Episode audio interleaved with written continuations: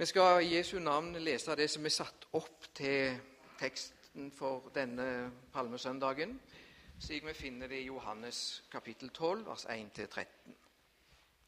Seks dager før påske kom Jesus til Betania, der Lasarus bodde, han som Jesus hadde vekt opp fra de døde. Der holdt de gjestebud for han. Maria stelte for dem, og Lasarus var en av de som satt til bords med han. Da tok Maria et ponekte dyre nardusalve og salva Jesu føtter og tørka dem med håret sitt. Hele huset var fullt av vangen. Da sa Judas Iskariot, en av læresveinene, han som eh, sier han sveik han. Hvorfor ble ikke denne salven solgt for 300 dinarer og pengene jevne til de fattige? Dette sa han ikke fordi han hadde omsut for de fattige, men fordi han var en tjuv. Det var han som hadde pengepungen og salven og tok av det som var lagt der. Men Jesus sa, 'La henne være, hun har gjemt salva til gravferdsdagen min.' De fattige har det alltid hjå dykk, men meg har det ikke alltid. Den store mengda av jøder som var samla, fikk nå vite at Jesus var i Betania, og de kom dit ikke bare for Jesus skyld, men for å se, og, men for å se Lasarus, som, som, han hadde vekt opp fra de døde. Da la overprestene planer om å drepe Lasarus òg. For mange av jødene drog dit for hans skyld og kom til tru på Jesus.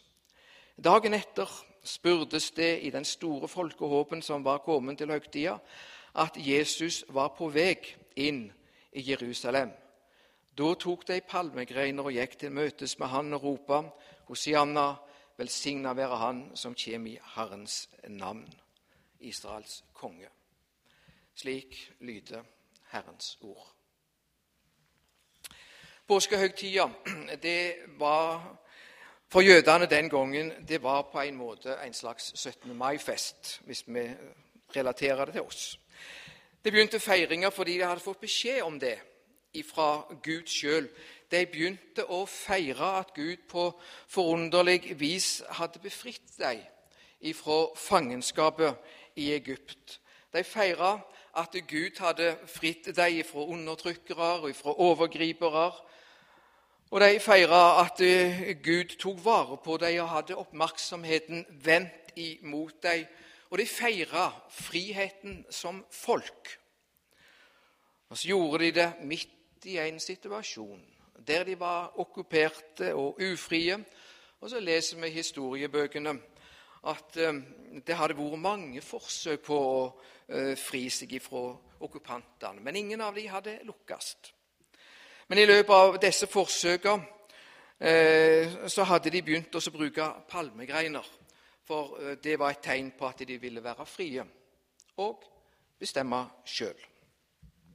Men Jesus han hadde spasert rundt i jødeland.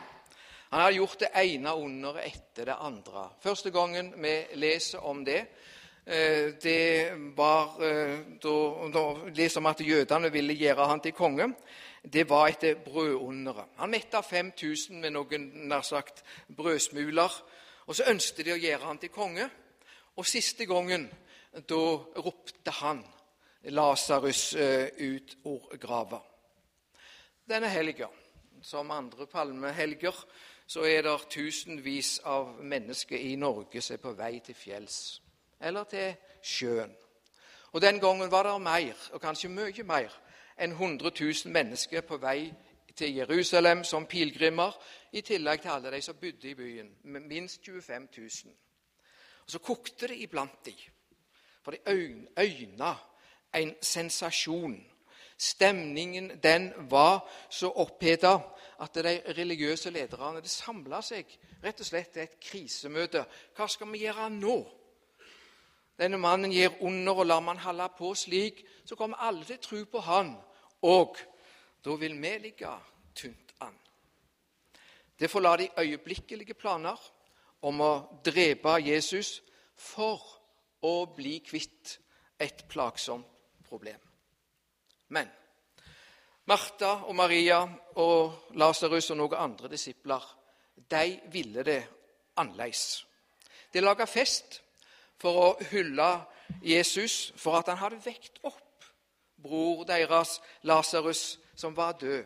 Ja, for å takke han for at han, gjort, at han gjorde folk levende og ga de livet tilbake, og viste at han hadde all makt. Og I kjent stil så varta Martha opp, og Lasarus sitter til bords. Og endelig så kommer Maria varmhjerta inn med kostbare indiske nardussalver til en verdi av ei hel årslønn. Det var ikke lite. Eh, hun salva Jesu føtter så hele, så leste vi så hele huset ble fylt av dufter. Og så Maria takka på den måten for at nær sagt dufta, lukta av brorens død, den var blitt erstatta av ei duft av liv.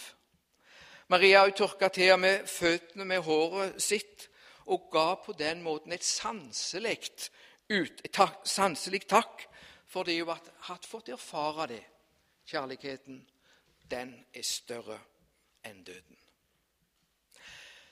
Jeg vet ikke, men Kanskje du har lest den kjente novella av eh, Karen Bliksen, 'Barbettes gjestebud'.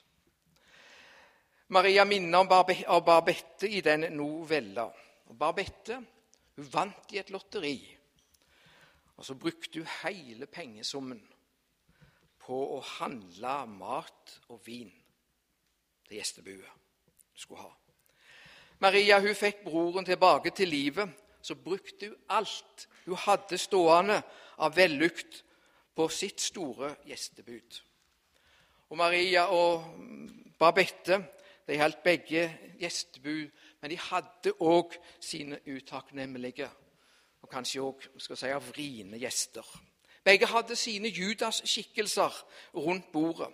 De kritiserte, de baktalte og de moraliserte à la Judas når han eh, kommenterer til Maria om heller å selge, å selge salva for å gi pengene til de fattige. Så tar Jesus han i skole, og så sier han, 'La henne være i fred'.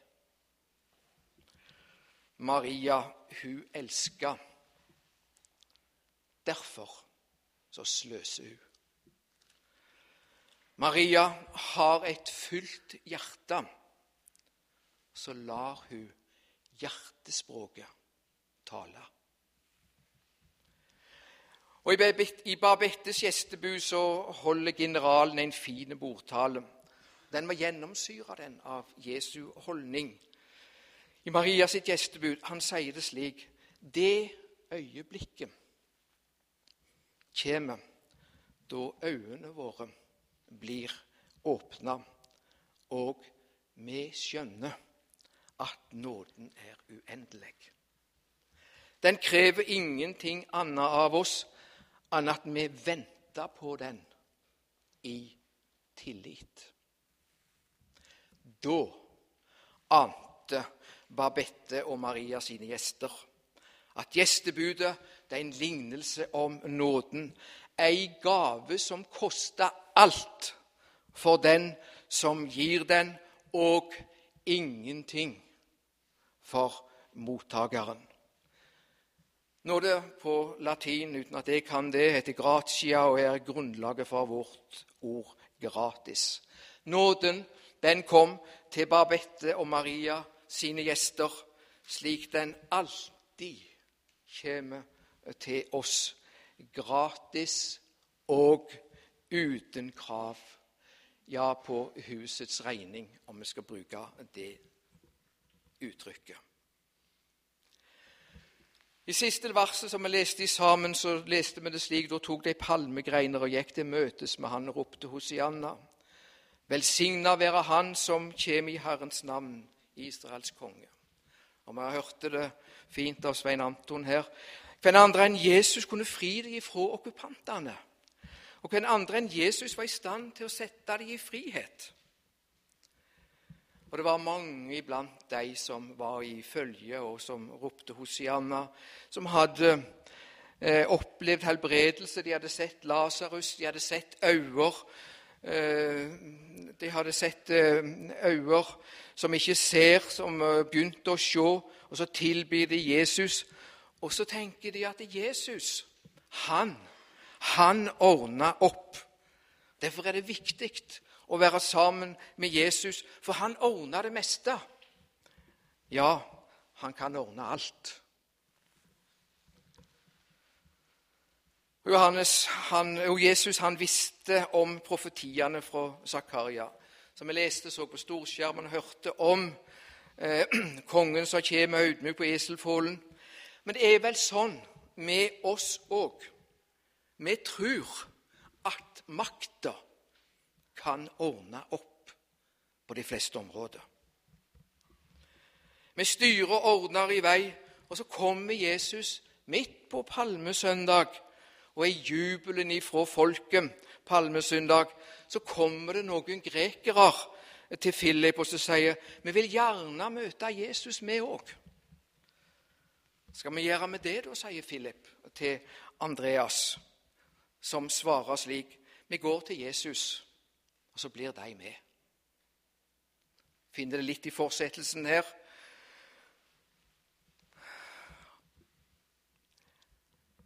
Timen er kommet, sier Jesus. Det hadde ikke vært mye av det før. Før i evangeliet var tida ennå ikke kommet. Men nå var tida kommet da menneskesonen skulle herliggjøres, slik som vi finner de samme kapitlene. Sannelig, sannelig, sier jeg dere, fell ikke kveitekorn i jorda og dør, blir det bare det ene kornet, men dør det, gjev det stor, gjev det stor grøde. Paulus han ropte til Jesus han, kan du, kan du ikke ordne opp, Jesus? Tre ganger så ber han kan du ikke fri meg. Så sier Jesus til Paulus, min nåde er nok for deg, for min kraft den vert fullenda i vannmakt, eller i skrøpelighet, som det står på bokmål. Livskreftene de blir ikke frigjort til deg uten at det kornet dør. Først da blir det gitt liv. Jesus, som det står i Hebreabrevet, han ble lik oss. Makta kunne ikke, ville ikke frelst noen, men han kunne kanskje skapt et politisk rike som ville vart ei stund. Jo, men hva var det som ga liv? Jo, det var det vi fikk være vitne til når Josfa ble lagt der. Jeg skaper mitt liv i Han, sier Jesus. Kveitekornet dør, og så spirer livet fram. Og hvis jeg skal skape mitt liv, så blir det ingenting annet enn det jeg skaper sjøl, og ingenting lenger. Vi vet at du er en lærer som er kommet ifra Gud, for ingen gjør slike under som du gjør, sier Nikodemus. Seks dager før påske så ropte, som vi har hørt, folket Hosianna med palmegreiner og de tilba. Så gikk det ikke mange dagene.